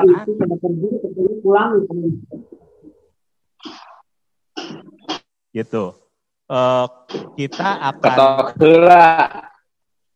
setuju. Ya, siap Kang Nuhun. Iya, iya,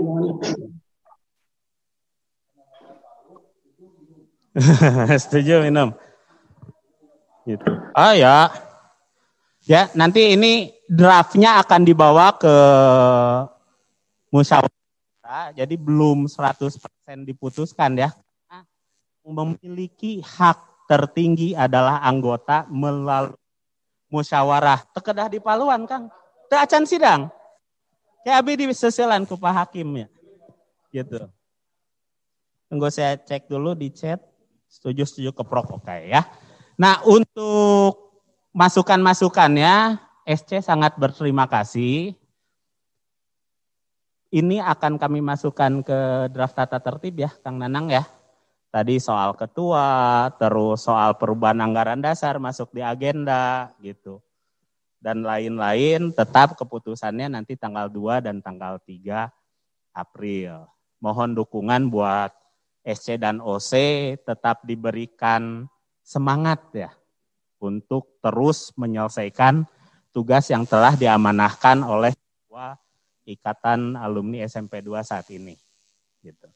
Nah sebelum kita bubar, ada pesan-pesan khusus dari Kang Nada sebagai Ketua OC.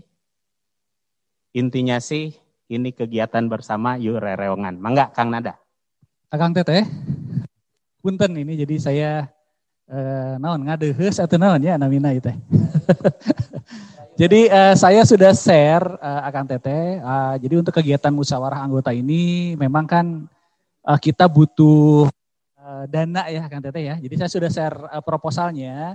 Jadi kami dari panitia memohon bantuan ya khususnya kepada donatur dan dari tiap angkatan ya dari dari angkatan-angkatan. Jadi uh, bisa menyumbang untuk kegiatan acara ini.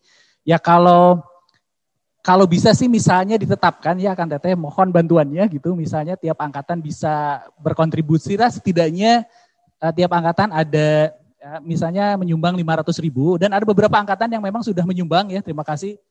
Angkatan 81 yang duluan udah nyumbang. 92 juga ada gitu. Jadi sudah ada yang duluan nyumbang. Jadi memohon bantuannya uh, kepada tiap angkatan untuk berkontribusi dalam acara ini. Uh, proposalnya sudah saya sampaikan di grup Kolintang ya.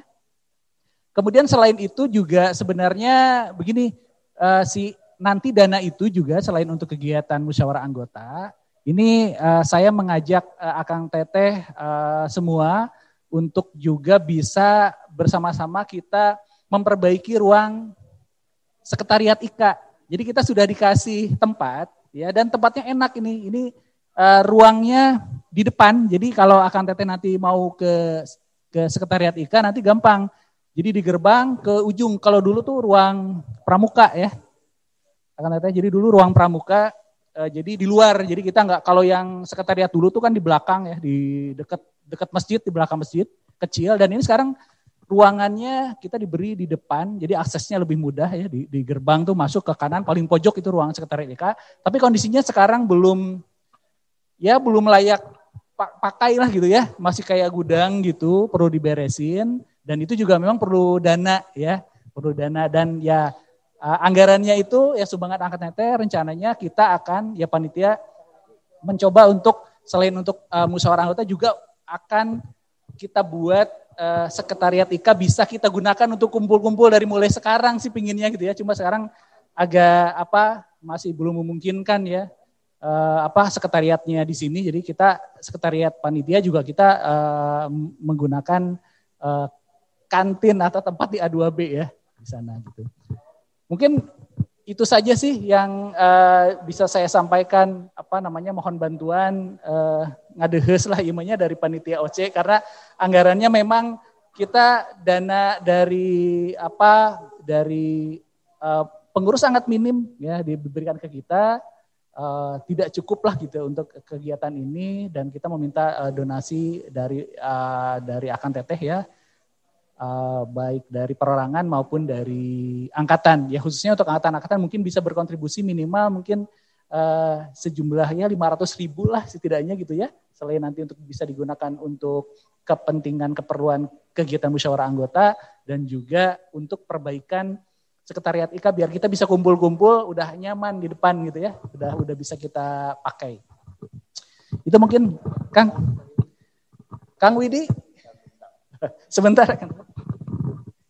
Ya, eh, Kang Teteh tadi nyambung dengan apa yang disampaikan oleh Kang Nada.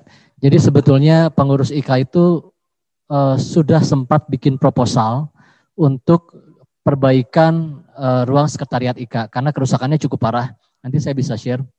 Nah, hanya sayangnya proposal sudah selesai pada saat kita mau share keburu pandemi. Sehingga waktu itu wah lagi kondisi kayak gini mau boro-boro nyembang cenanya saat itu. Sehingga proposal itu jadi proposal saja yang belum sempat di-share kepada seluruh angkatan. Tadi sudah disampaikan oleh Kang Nada, jadi bahwa memang untuk kegiatan ini kita butuh dana, harapannya Akang Teteh dapat mendukung karena ini untuk kepentingan kita bersama. Dan insya Allah mudah-mudahan kalau ada lebih ya bisa tadi buat modal perbaikan ruang sekretariat IKA. Kang Teteh, eh, hari Rabu nanti itu kan memang karena itu hari kerja, kemungkinan kita akan selenggarakan eh, sore atau malam ya. Tapi waktunya acaranya juga tidak sepadat ini karena kita hanya akan menyampaikan uh, siapa calon-calon yang akan maju ke pemilihan ketua umum IKA. Kemudian kita perkenalkan masing-masing mungkin kasih waktu 10 menit untuk menjelaskan uh, visi misi atau program kerja garis besarnya. Dan sengaja kita juga selenggarakan di SCP 2 supaya mereka juga melihat gitu ya. Ini lihat ruang sekretariat IKA-nya seperti ini supaya mereka juga termotivasi dalam program mereka untuk memperbaiki ruang sekretariat IKA. Karena harapan dari kami adalah ruang sekretariat IKA itu bukan hanya untuk pengurus IKA, tapi semua alumni, semua angkatan merasa memiliki. Jadi pada saat mereka bikin ingin bikin kegiatan, sekali-kali kita bisa rapat di sini. Ya. Mungkin itu uh, dari saya, dari Kang Widi mungkin nanti ada kesimpulan singkat. Uh, insya Allah kita akan ketemu lagi hari Rabu. Enggak? Oke, terima kasih Kang Nanang dan Kang Nada. Jadi inti nama kita punya kebutuhan untuk penyelenggaraan acara. Nanti nomor rekeningnya, nomor rekening bendahara ya, akan di-share di grup Kolintang. Harapannya yuk kita ngenceleng bareng-bareng. Boleh pribadi, boleh perangkatan gitu ya. Boleh atas nama hamba Allah, boleh gitu. Kalau kemarin ada yang nyumbang atas nama alumni Eskul PMR cena. Gitu nyumbang. Jadi itu sebenarnya uangnya dari Kang Acil 93 ya. Hatur nuhun Kang Acil gitu. Uh. Nanti harapannya biaya bisa tertutupi.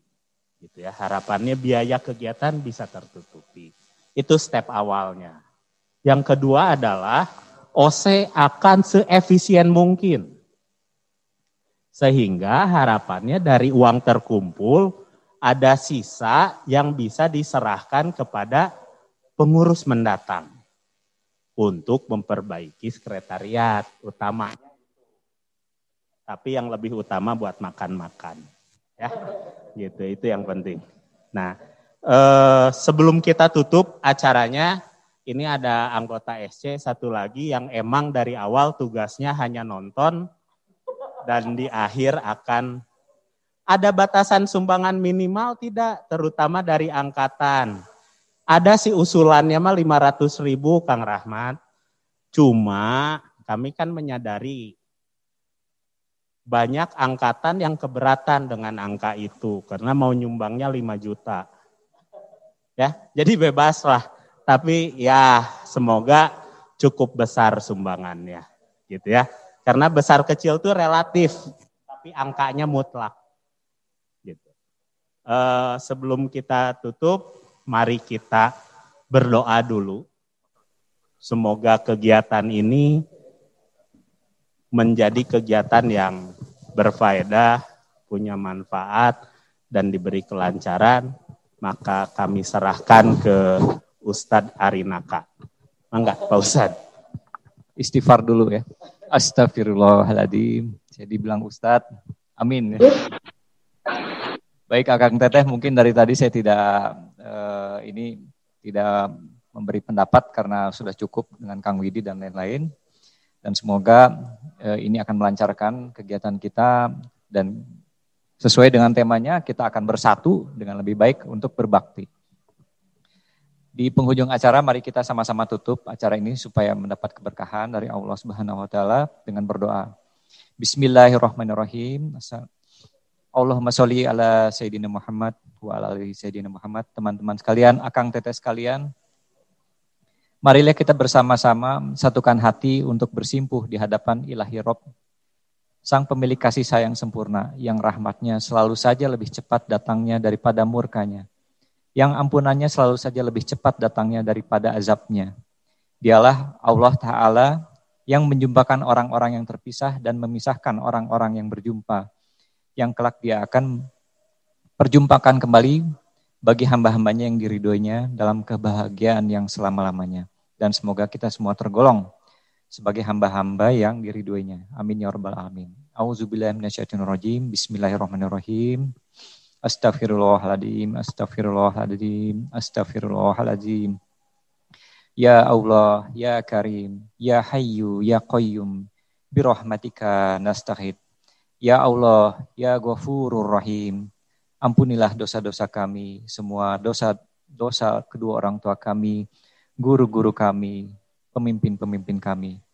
Ya Allah yang maha menatap, pandanglah senantiasa kami dengan pandangan rahmatmu. Limpahkanlah kasih sayangmu yang sempurna pada kami semua. Ya Allah, engkau yang jumpai, yang jumpakan kami semua di sini, dan kelak engkau yang pisahkan kami semua. Maka jadikanlah perjumpaan kami sekarang ini menjadi berkah, mempererat silaturahmi, saling kasih sayang, tolong menolong, berbagi, saling memuliakan, saling mendoakan, saling ajak dalam kebaikan dan kebenaran, serta satu hati dan pikiran untuk bersama-sama taat pada perintahmu dan Rasulmu di segala situasi dan keadaan. Dan jika kamu, engkau pisahkan kami kelak, jadikanlah sebaik-baiknya perpisahan Sekalipun terpisah jarak, namun tetap satukanlah hati kami sehingga tetap terasa dekat, saling mendoakan. Jadikanlah persaudaraan kami ini kekal, karena cinta kami padamu dan pada Rasulmu, dan kumpulkanlah kelak kami semua dalam syurgamu untuk bahagia yang selama-lamanya. Ya Allah, di antara kami mungkin ada yang sakit, maka sembuhkanlah. Jadikanlah sakitnya sebagai penggugur dosa-dosanya. Dan di antara kami ada pula yang sempit, maka lapangkanlah ada kesulitan, maka mudahkanlah. Di antara kami ada yang terjatuh, maka bangkitkanlah, gapaikanlah dengan kasih sayangmu yang sempurna. Kekalkan hidayah di hati kami masing-masing, ya Rob. Suburkanlah kasih sayang di hati kami karena cinta padamu dan Rasulmu. Mudahkanlah hati kami untuk saling memaafkan, teguhkan pendirian kami kami untuk tetap taat padamu di segala situasi dan keadaan. Jadikanlah kami semua dibangkitkan kelak sebagai umat Rasulullah Muhammad SAW. Ya Allah ya Karim, kami tak pandai berdoa, namun kami yakin Engkau maha tahu yang terbaik bagi kami. Maka berilah yang terbaik bagi kami semua. Apa yang diminta Rasulmu, itu pula yang kami minta.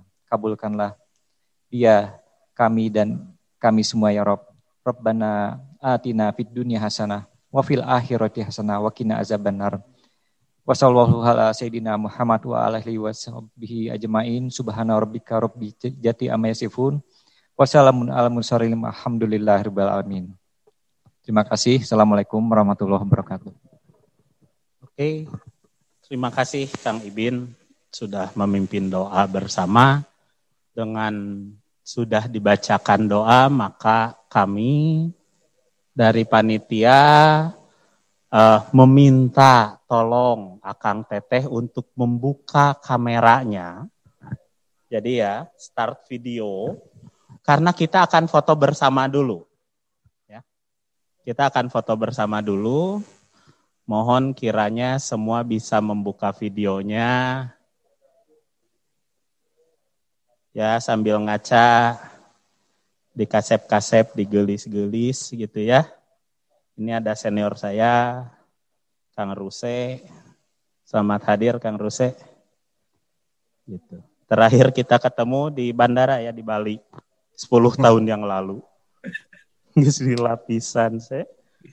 Gitu. Ya, siap ya. Semua melihat ke kamera. Kalau di layar saya ada dua, ya dua layar. Jadi karena ada dua tangkapan layar, mohon kiranya untuk menahan posenya ya. Gitu. Yap. Untuk pertama. Satu, dua, tiga.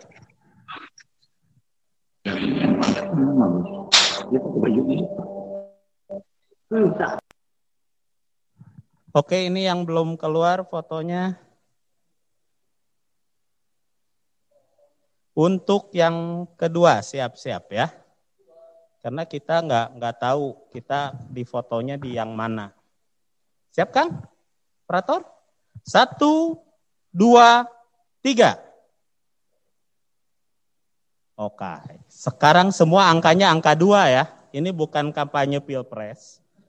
Ya, ini bukan kampanye pilpres karena nanti juga ketua umum itu pakainya ABCD ya. Siap. Ya, semua angka dua. Satu, dua, tiga. Oke, satu halaman lagi, satu halaman lagi. Siap, tetap angka dua. Satu, dua, tiga. Oke, terima kasih. Sampai ketemu hari Rabu. Jangan lupa para promotor yang punya calon ketua, ditunggu sampai hari Rabu jam 10 pagi.